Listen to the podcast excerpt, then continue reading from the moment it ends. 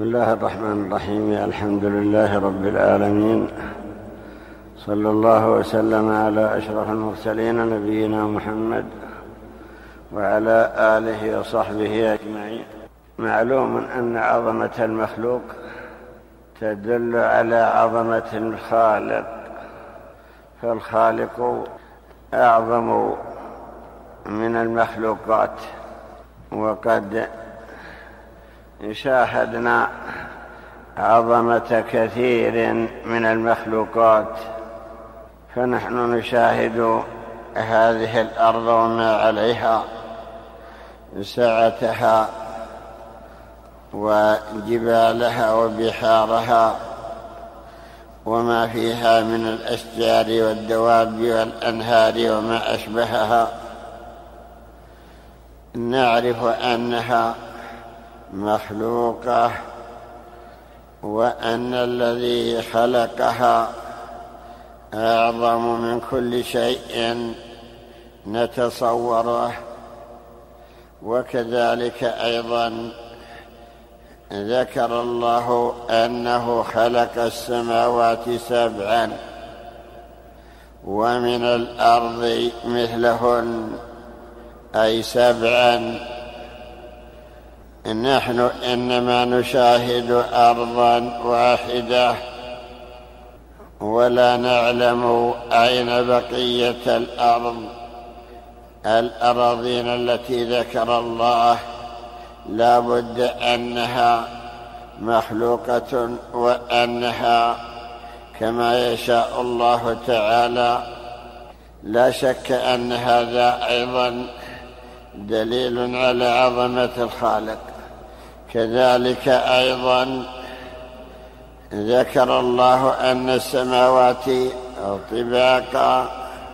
في قوله تعالى ألم تروا كيف خلق الله سبع سماوات طباقا؟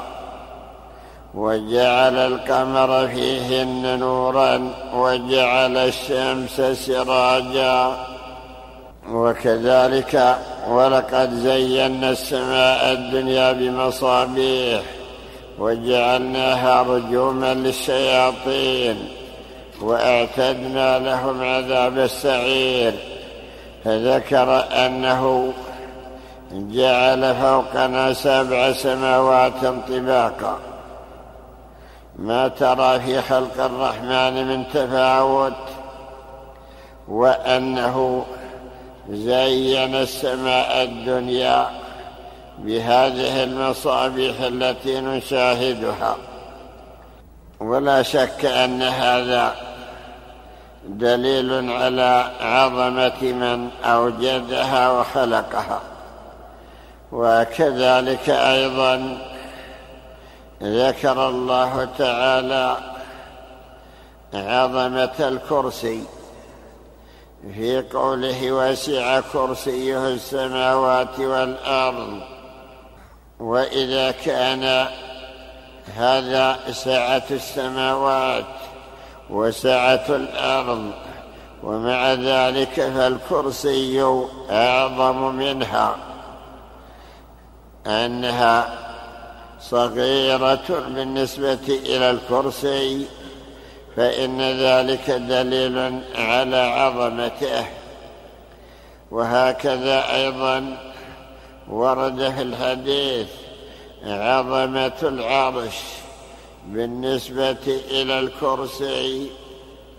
أن العرش أن الكرسي بالنسبة إلى العرش كحلقة ملقاة بأرض فلاة من الأرض. ماذا تكون ماذا تشغل هذه الحلقة؟ قطعة حديد متلاقية الطرفين ألقيت في أرض فلاة ماذا تشغل؟ لا شك أن هذا دليل أيضا على عظمة العرش. وقد ورد أيضا صفة حملة العرش. ذكر الله تعالى حملة العرش قال ويحمل عرش ربك يوم فوقهم يومئذ ثمانية. هؤلاء حملة العرش. وقال تعالى الذين يحملون العرش ومن حوله يسبحون بحمد ربهم. ذكر الله أن هناك من يحمل العرش.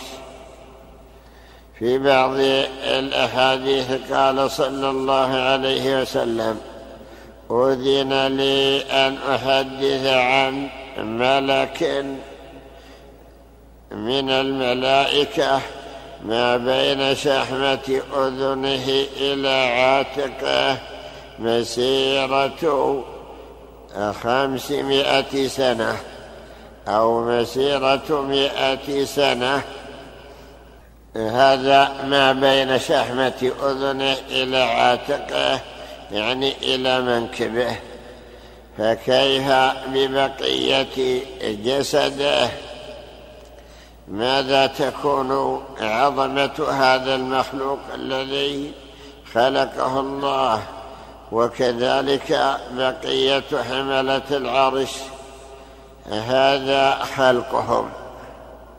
ذكر في بعض الأحاديث لما خلقهم الله قالوا لماذا خلقتنا؟ قال لحمل عرشي. كيف نحمل عرشك وأنت رب العالمين؟ فقال لهم احملوه بالتسبيح فلا يستطيعون حمله إلا بهذا التسبيح. يقول الله تعالى الذين يحملون العرش ومن حوله يسبحون بحمد ربهم يسبحون بحمد ربهم ويؤمنون به. ف هم دائما يذكرون الله تعالى ويسبحونه ويهللونه ويكبرونه ويقدسونه ويعظمونه. وهذا الذكر الذي يتقربون به هو الذي أعانهم على حمل العرش. وإلا فإن العرش لا يقدر قدره إلا الله مع عظم خلق هؤلاء الذين هم حملته. وهكذا ما ذكر أيضا حول العرش من الأنهار. ورد أيضا في بعض الأحاديث أن أن العرش على ماء أو بحر ما بين أسفله إلى أعلاه كما بين سماء إلى سماء أي مسيرة خمسمائة عام. وقد ذكر في القرآن أن العرش كان على الماء. قال تعالى وهو الذي خلق السماوات والأرض في ستة أيام وكان عرشه على الماء. وقيل لابن عباس على أي شيء الماء فقال على متن الريح. يعني أن الله تعالى قادر على أن يجعل الماء على غير قرار فجعله على متن الريح. فهذا بحر من البحار. ورد في بعض الروايات أن هذا البحر مليء بالزبرجد وباللؤلؤ وبالمرجان وب أنواع الأصداف النفيسة وإن لم يكن لذلك قيمة ولكن لإظهار عظمة الله تعالى وبيان أنه قادر على كل شيء وأن هذا من جملة مخلوقاته. هذه البحار ونحوها. نحن إذا فكرنا فيما بين أيدينا وما نشاهده نتعجب من كثرة الآيات والبينات والمخلوقات العظيمة البحار التي على الأرض التي نشاهدها. فيها من المخلوقات ما لا يحصي عدده إلا الله. جعلها الله تعيش في هذه الأرض في هذا البحر على قعر أو على حال البحر. تعيش ولا تتغير بنيتها منها ما هو صغير قد لا يدركه البصر ومنها ما هو كبير. قد يعظم تصوره. وهي موجودة في هذه البحار التي نشاهدها. في الحديث الذي في صحيح في الصحيح إن جملة جماعة من الصحابة خرجوا في سرية. وهم ثلاثمائه من الغزاة ونفد زادهم وبقوا بضعة أيام ليس لهم زاد لا يأكلون كل يوم إلا تمرة واحدة. بضعة أيام ثم أخرج الله لهم حوتا من البحر وجدوه كأنه الجبل أو أعظم الجبال. ماذا فعلوا؟ أكلوا منه شهرا وهم ثلاثمائة وقد مسهم الجوع. ومع ذلك ما نقصوه نقصا ظاهرا. هذه دابة حيوان من حيوانات هذا البحر الذي نشاهده دابة واحدة حوت يقال له العنبر. مذكور في الأحاديث أنهم يغترفون من عينه الدهن بالقلال وأنه نزل في قعر عينه اثنا عشر رجلا. كلهم يغترفون منها. في قعر عينه. فكيف يقدر قدر هذا الحيوان. لا شك أن الذي خلق هذا الحيوان خلق ما هو أعظم منه. وكذلك أيضا صغار المخلوقات. فيها أيضا عجائب لا يدركها إلا الذي خلقها. لو تاملنا مثلا في خلق هذه البعوضة الناموسه التي هي من أصغر ما نشاهده من المخلوقات هذه البعوضة لها عينان تبصر بهما أقوى بصرا من الإنسان. بحيث أنها تبصر مسام الجلد المسام التي يخرج منها العرق ولذلك تنزل عليها لرقتها وتغرس فيها هذا المنقار الذي هو أشبه بالحربة تغرسها ثم تصل إلى الدم وتمتص منه. شبيه بخرطوم أكبر المخلوقات التي نشاهدها وهو خرطوم الفيل. لها خرطوم شبيه بخرطومه.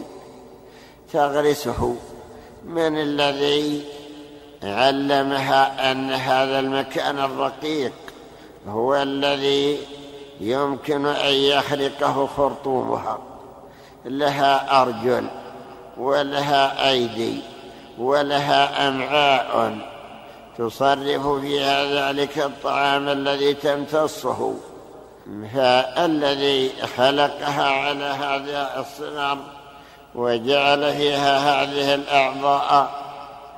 قادر على أن يخلق كل شيء ولا يعجزه شيء.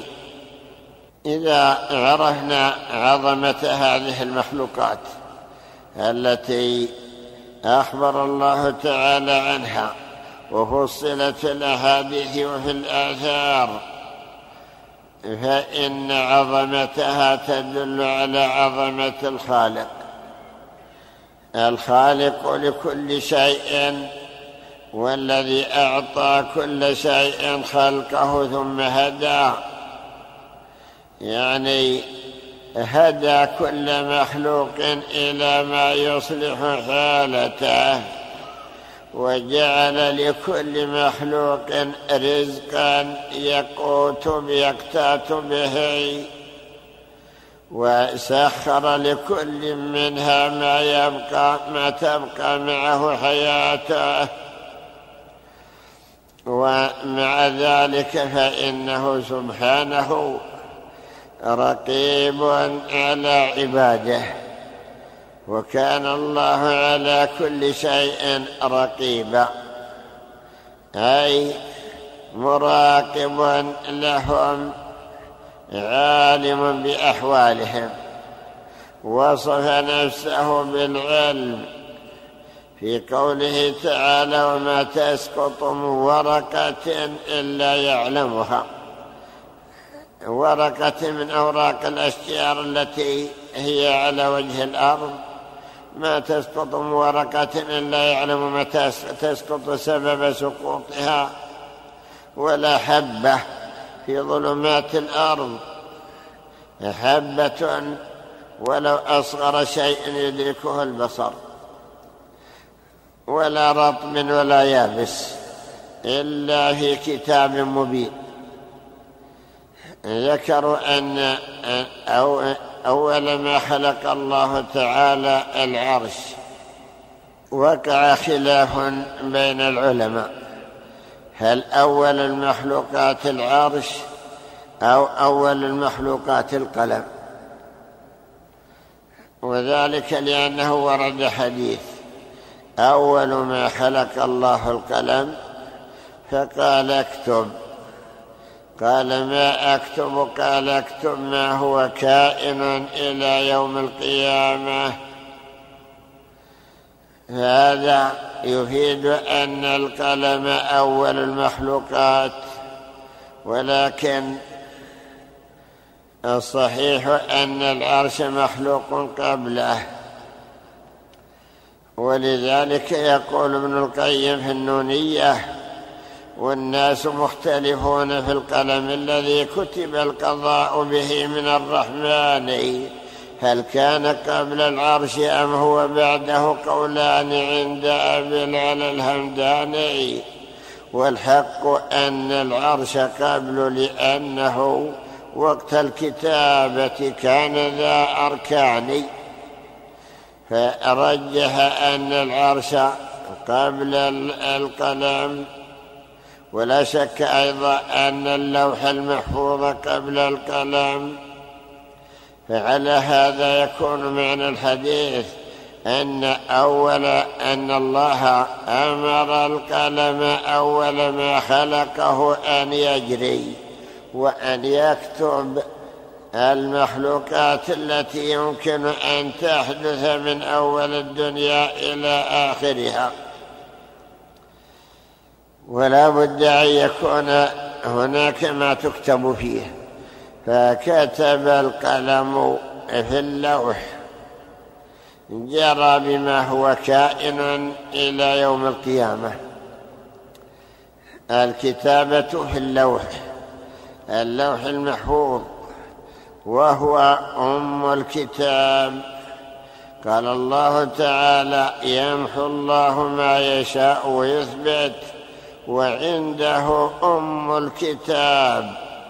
أي اللوح المحفوظ والمحو والإثبات إنما هو في الصحف في صحف الملائكة الذين وكلهم الله أن يكتبوا أعمال بني آدم.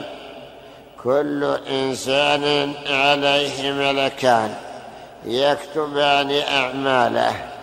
قال الله تعالى ولقد خلقنا الإنسان ونعلم ما توسوس به نفسه ونحن أقرب إليه من حبل الوريد إذ يتلقى المتلقيان.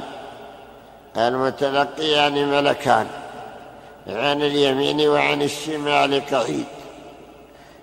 الذي عن اليمين يكتب الحسنات والذي عن الشمال يكتب السيئات.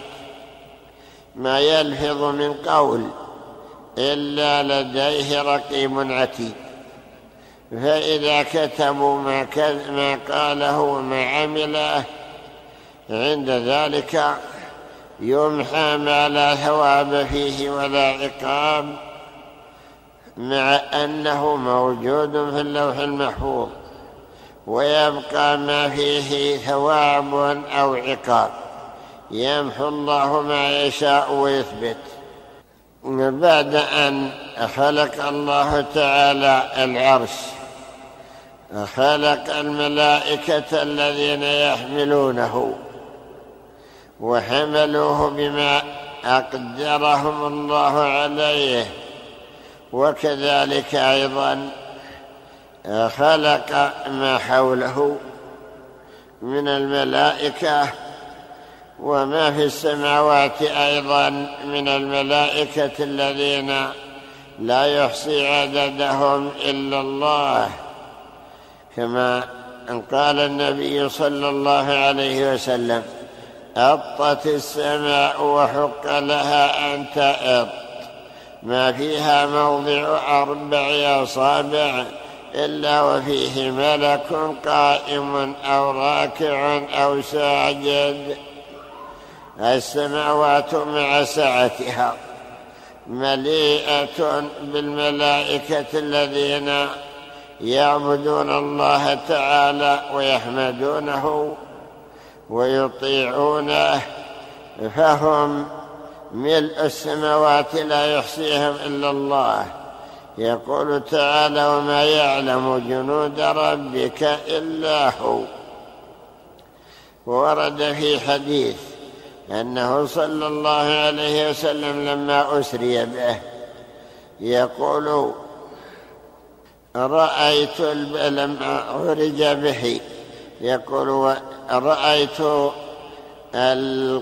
البيت المعمور. يعني الذي ذكر في سورة الطور والبيت المعمور والسقف المرفوع. وإذا البيت المعمور يدخله كل يوم سبعون ألفا ثم لا يعودون إليه. يعني من الملائكة. قيل إنهم من سماء واحدة. كل يوم يدخلون هذا البيت يتعبدون فيه سبعون ألفا. ثم يأتي في اليوم الثاني غيرهم. وهكذا ما دامت الدنيا لا يعودون إليه إلا يوم القيامة. لا شك أن هذا دليل على كثرة عددهم. ذكروا أنها لما نزلت الآية في سورة المدثر في قوله تعالى سأصليه سقر. وما أدراك ما سقر لا تبقي ولا تذر. لواحة للبشر عليها تسعة عشر. قيل إن المراد إنهم تسعة عشر ألفاً. وإذا قيل إنهم تسعة عشر ملكا فإنه قد ذكر من عظمتهم أن الملك الواحد يقبض مئة ألف ويلقي بهم في قبضته. لا يعلم آه، عظمة أحدهم إلا الذي خلقهم. والمشركون كذبوا بذلك أو سخروا منه. وقالوا يزعم محمد أن الذين يعذبونكم في النار تسعة عشر. وأنتم أكثر القوم. أفلا تغلبونهم؟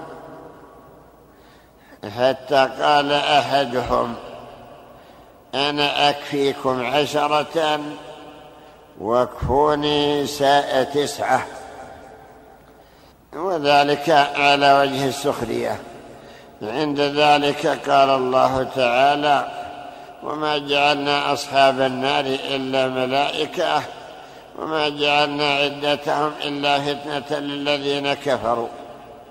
إلى قوله وما يعلم جنود ربك إلا هو.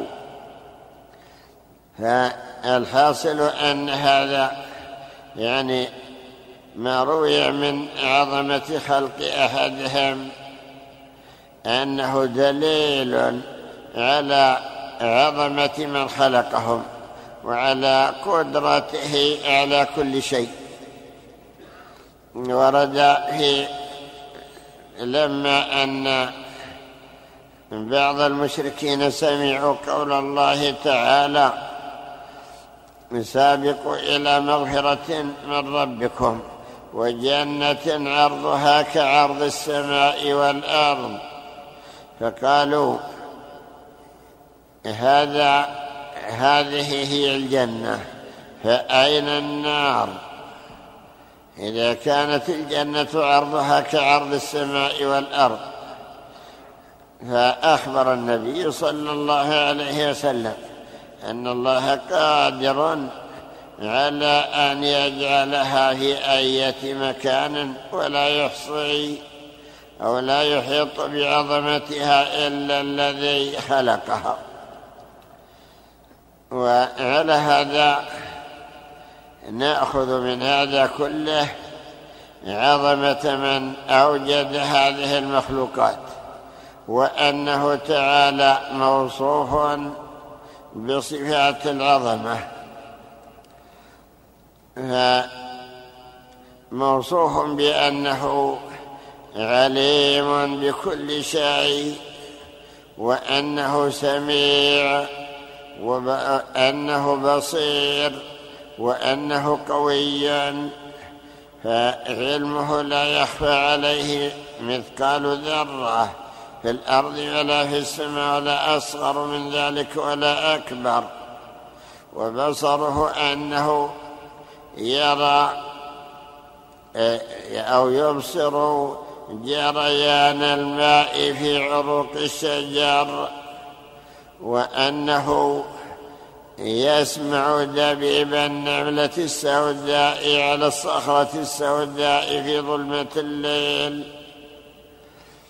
وذلك لأنها مخلوقة وهو الخالق لها. ثم وصف الله تعالى نفسه بأنه قريب. وإذا سألك عبادي عني فإني قريب. وما ذكر من قربه من قربه لا ينافي. ما ذكر من علوه فهو سبحانه علي في دنوه قريب في علوه. ليس كمثله شيء وهو السميع البصير. والقصد من هذا كله أن يستحضر المسلم عظمة الله تعالى وأن يحتقر الدنيا وما عليها وأن يستصغر نفسه وأن لا يتكبر على ربه وأن لا يعظم يتعاظم عن عبادة الله تعالى وأن يتواضع لله ويعبده حق العبادة وينيب إليه ويتوب إليه ولا يخرج عن طاعته وأن يستحضر أن الله تعالى يراه وأنه هو الذي أنعم عليه. وأنه محيط به وأنه لا يخرج عن قبضته شيء من المخلوقات بل كلهم بقبضته وتحت تصرفه وتقديره فيكون ذلك كله حاملا له على أن يدين لله تعالى بالتعظيم ويعظمه حق العظمة ويعبده وحده ولا يعبد معه غيره وهذا هو القصد. من ذكر الآثار التي تدل على عظمة الخالق سبحانه والتي أخبر بها في هذه الآثار والتي أخبر الله تعالى عنها في آه، كتابه وأخبر بها نبيه صلى الله عليه وسلم من كونه سبحانه يقبض السماوات والأرض ثم يهزهن فيقول أنا الملك أين ملوك الأرض. أين الجبارون؟ أين المتكبرون؟ ويقول لمن الملك اليوم لله الواحد القهار. هذا القصد من ذلك كله الإنابة إليه والرغبة فيما لديه وتعظيمه حق العظمة واحتقار المخلوقات واحتقار الدنيا بأسرها ومن عليها بالنسبة إلى عظمته سبحانه. الآن نواصل القراءة. بسم الله الرحمن الرحيم. الحمد لله رب العالمين. الصلاة والسلام على أشرف المرسلين. نبينا محمد وعلى آله وصحبه أجمعين. قال رحمه الله تعالى ذكر حجب ربنا تبارك وتعالى.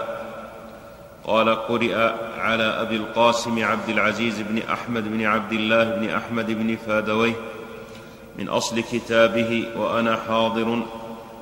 أخبركم أبو محمد عبد الله بن محمد بن جعفر بن حيان.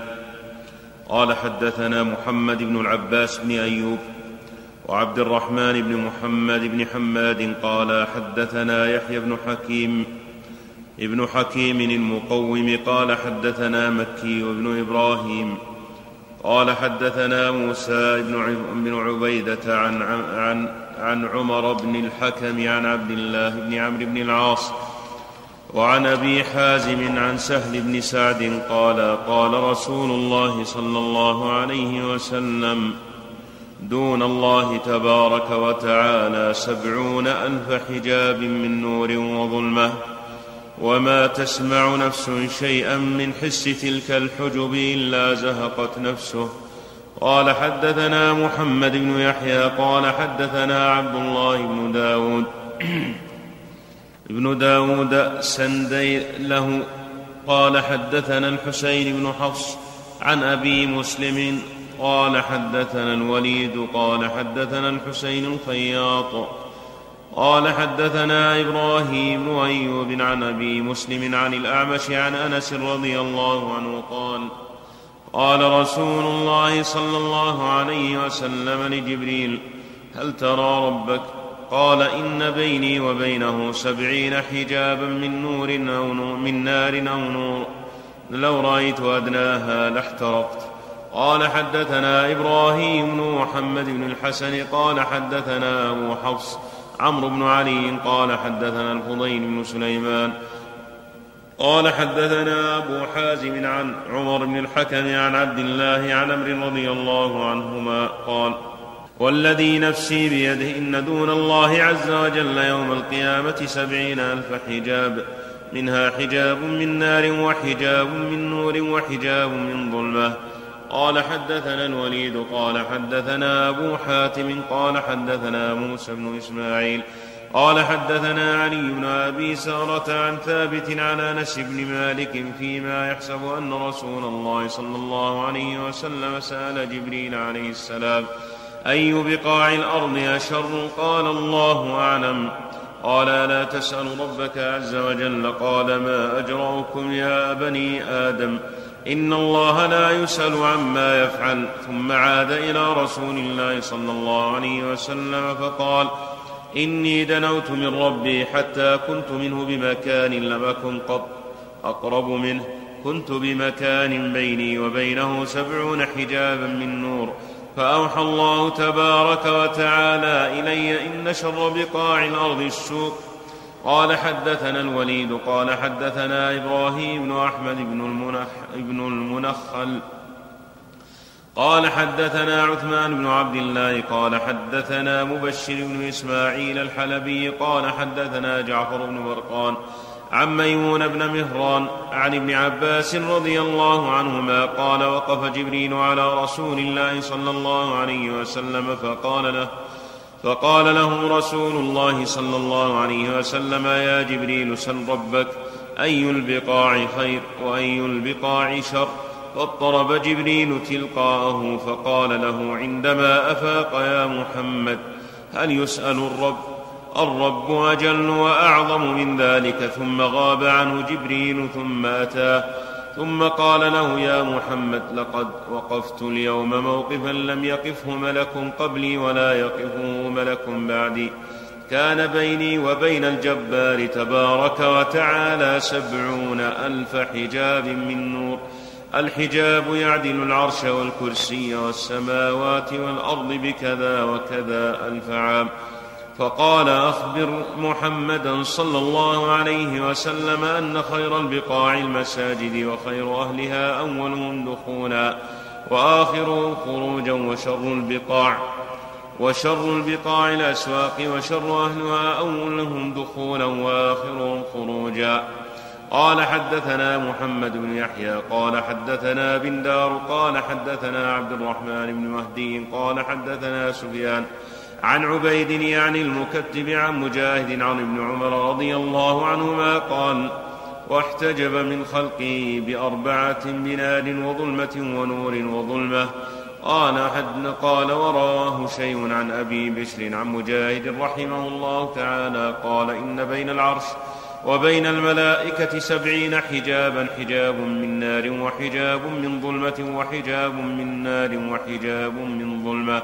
قال حدثنا محمد بن العباس بن أيوب قال حدثنا علي بن الحسين الدرهمي قال حدثنا معتمر بن سليمان عن عبد الجليل عن أبي حازم عن عبد الله بن عمرو رضي الله عنهما في قول الله عز وجل هل ينظرون إلا أن يأتيهم الله في ظلل من الغمام والملائكة قال يهبط حين يهبط وبينه وبين خلقه سبعون ألف ألف حجاب منها النور والماء والظلمة.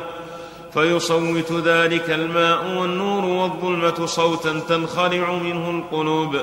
قال حدثنا الولي قال حدثنا الوليد قال حدثنا أبو حاتم قال حدثنا أبو سلمة. موسى بن إسماعيل قال حدثنا حماد بن سلمة قال حدثنا أبو عمران الجوني. عن زرارة بن أبي عن زرارة بن أوفى رضي الله عنه أن النبي صلى الله عليه وسلم سأل جبريل هل رأيت ربك؟ فانتفض جبريل فقال يا محمد إن بيني وبينه سبعين حجابا من نور لو دنوت من أدناها لاحترقت. قال حدثنا إبراهيم بن عبد الله بن معدان. قال حدثنا أبو عبيد الله بن أخي ابن وهب.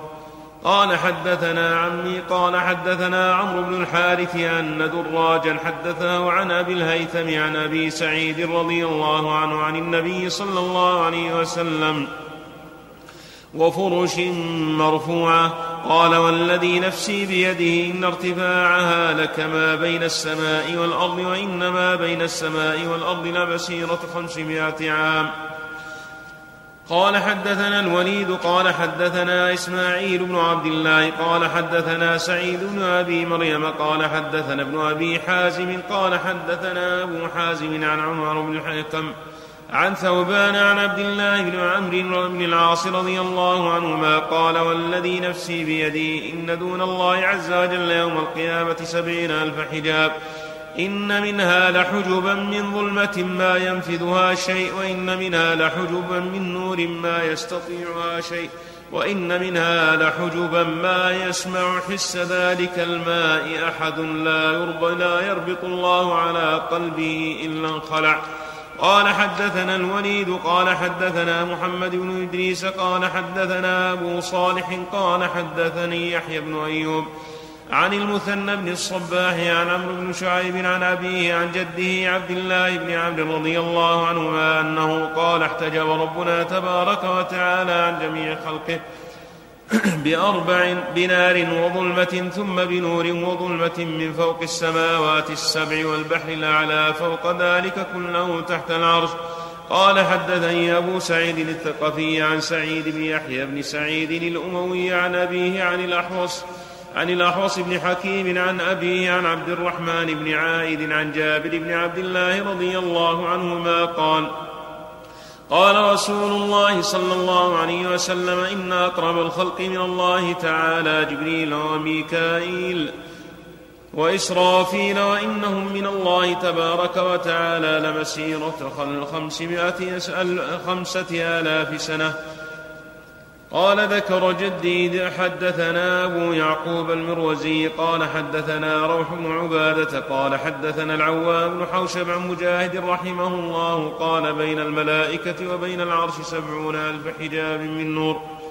قال حدثنا الوليد بن أبان قال حدثنا أبو حاتم قال حدثنا أبو صالح قال حدثني الليث قال حدثني خالد عن سعيد عن عبد الله بن زياد أن القرضي كان يقول بلغنا أن الجنة بين الجبار عز وجل وبين أدنى خلقه أربعة حجب ما بين كل حجابين كما بين السماء والأرض حجاب من ظلمة وحجاب من نور وحجاب من ماء وحجاب من نار بيضاء مقدسة وكل حجاب ربنا عز وجل مقدس.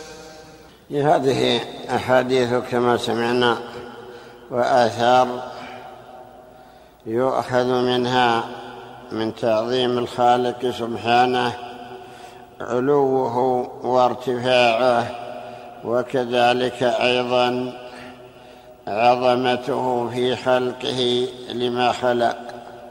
ومن جملة ذلك خلقه لهذه الحجب التي احتجب بها عن خلقه. ورد في حديث صحيح أن النبي صلى الله عليه وسلم قال إن الله لا ينام ولا ينبغي له أن ينام. يخفض القسط ويرفعه. يرفع إليه عمل الليل قبل النهار وعمل النهار قبل الليل. حجابه النور. لو كشفه لأحرقت سبحات وجهه ما انتهى إليه بصره من خلقه. هكذا في هذا الحديث. أخبر بأن حجابه النور الذي احتجب به عن خلقه. خلق هذا النور واحتجب به عن خلقه مع أنه عالم بهم ومطلع عليهم ولا يخفى عليه من أمرهم شيء. وفي هذه الأحاديث التي سمعنا تعداد الحجب. في بعضها أن بين آه، الرب تعالى وبين أدنى خلقه أربعة حجب.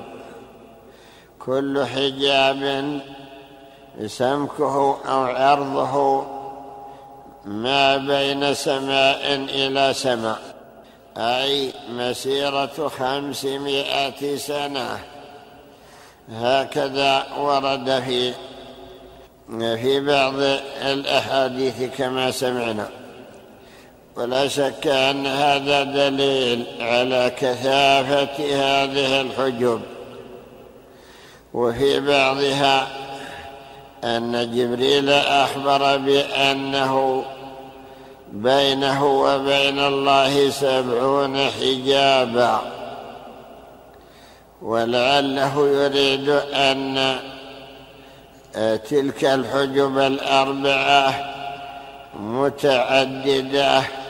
أي في كل واحد منها حجب منوعة من نور أو من ومن نار ومن ظلمة ومن سحب ومما شاء الله. وأصل الحجاب الحاجز بين شيئين ومنه قول الله تعالى وإذا قوله تعالى إذا قرأت القرآن جعلنا بينك وبين الذين لا يؤمنون بالآخرة حجابا مستورا. فها هنا الحجاب حجاب معنوي مستور عن الأعين وساتر لهم لا ينظرون إليه. وقد يطلق أيضا على الحجاب المعنوي الذي لا يمكن أن يخترق إلا بالمعنى حكى الله تعالى عن المشركين قال تعالى وقالوا قلوبنا في أكنة مما تدعونا إليه وفي آذاننا وقر ومن بيننا وبينك حجاب. أي حاجب وحاجز لا يصل كلامك إلينا ولا نستمع إليه. أو لا نفقهه ولكن هذه الحجوب التي احتجب الله تعالى بها عن خلقه قد يكشفها إذا شاء. فمن ذلك ما ذكر في الأحاديث في الدار الآخرة وفي الجنة أن أهل الجنة يرون الله تعالى. عندما يكلمهم فيقول إن لكم موعدا أريد أن أنجزكموه. فيقولون ألم تبيض وجوهنا؟ ألم تدخلنا الجنة وتنجنا من النار؟ فيكشف الحجاب فينظرون إليه فما أعطوا شيئا؟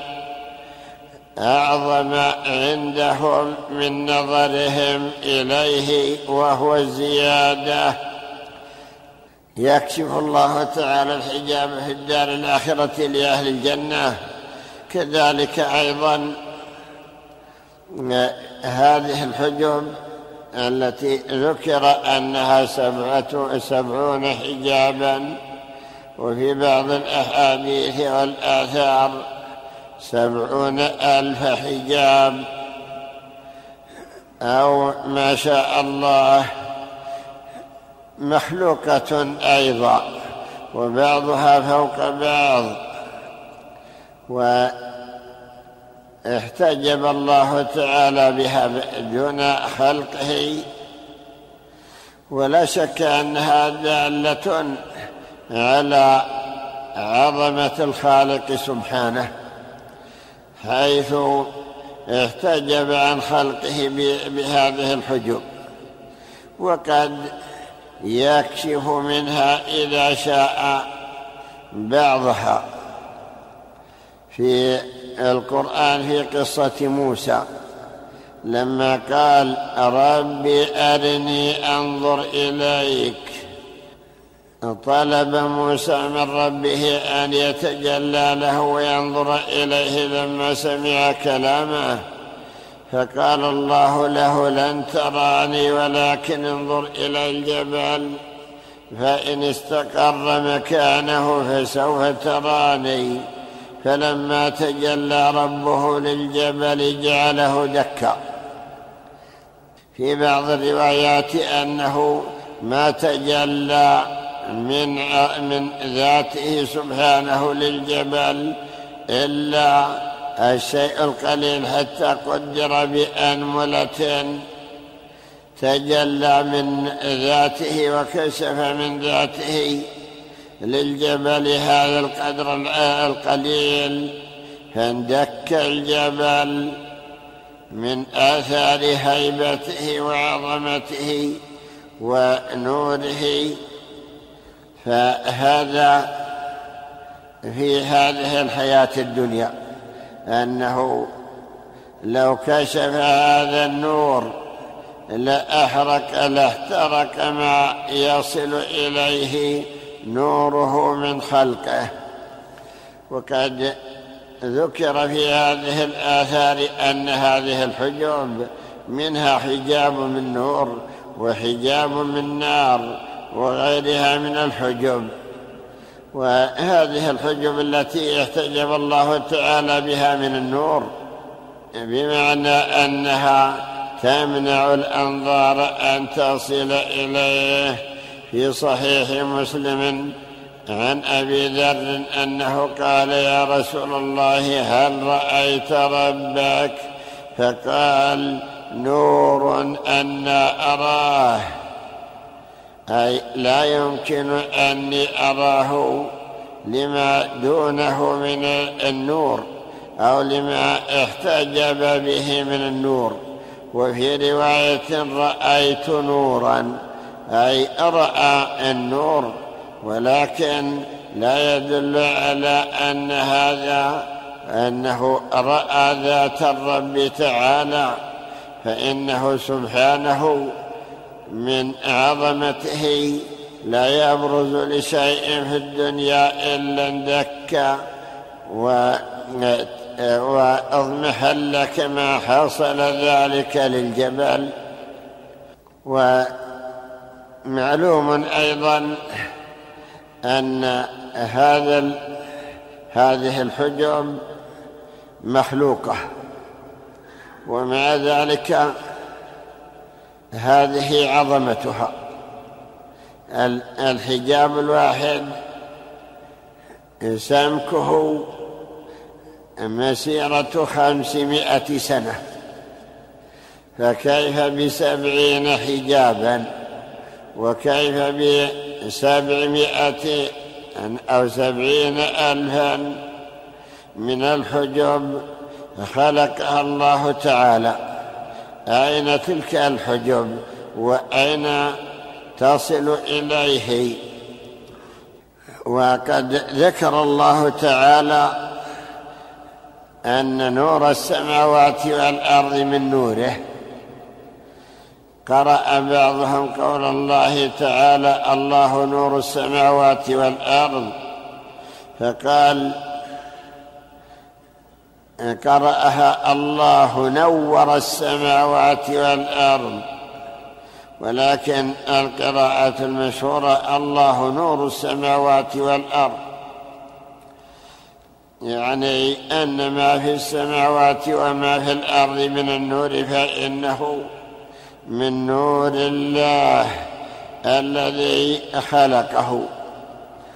سمى الله تعالى القمر نورا. وكذلك الشمس. سماها أيضا نورا وضياء. هو الذي خلق فيها هذا النور. فهو مخلوق من جملة الأنوار. مع ذلك هذه الشمس التي هي مخلوقة لا يستطيع احدنا أن ينظر إليها. إذا حدق نظره إليها أصابه شعاع من شعاعها تأثر تأثير على بصره. كذلك أيضا من جملة ما خلقه من الأنوار البرق الذي يكون في السحب هو أيضا نور من خلق الله تعالى. لا نعلم ما سببه. وإن ذكر بعضهم أنه من آثار اصطكاك واصطدام السحب بعضها ببعض ولكن نشاهد قوة هذا النور. حتى قال الله تعالى يكاد سنا برقه يذهب بالأبصار.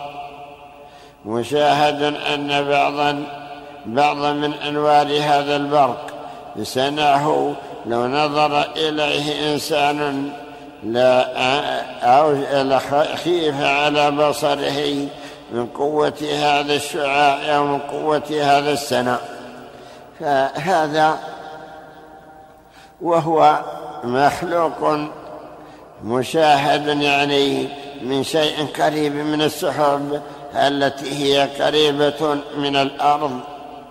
ف إذا كانت هذه مخلوقات الله التي جعل فيها هذه الأنوار فكيف بنور الخالق سبحانه؟ إذا جعل هذا النور في الشمس بحيث أنها تضيء لأهل الدنيا وجعل هذا النور الذي في القمر بحيث أنه يضيء لمن طلع عليه. وهذه الأنوار أيضا التي في النجوم. وما فيها من هذا النور الذي يشاهد إشعاعه كذلك أيضا ما في الأنوار الكهربائية التي في الدنيا هي من خلق الله تعالى. وكذلك ما جعل الله من نور النار النار الدنيوية. جعل الله تعالى فيها نورا وجعل فيها حرارة. وذكروا أن أن نار جهنم ليس لشعاعها ليس لاشتعالها نور. بل هي مظلمة. الله تعالى قادر على كل شيء. وإذا استحضر المسلم ما في هذه الآثار من أدلة على عظمة الله تعالى احتقر الدنيا وأهلها وعرف أنه في غاية من النقص. في تعظيم الله سبحانه وتعالى وفي عدم اعتنائه بعبادته وقيامه بحقوقه. والله أعلم.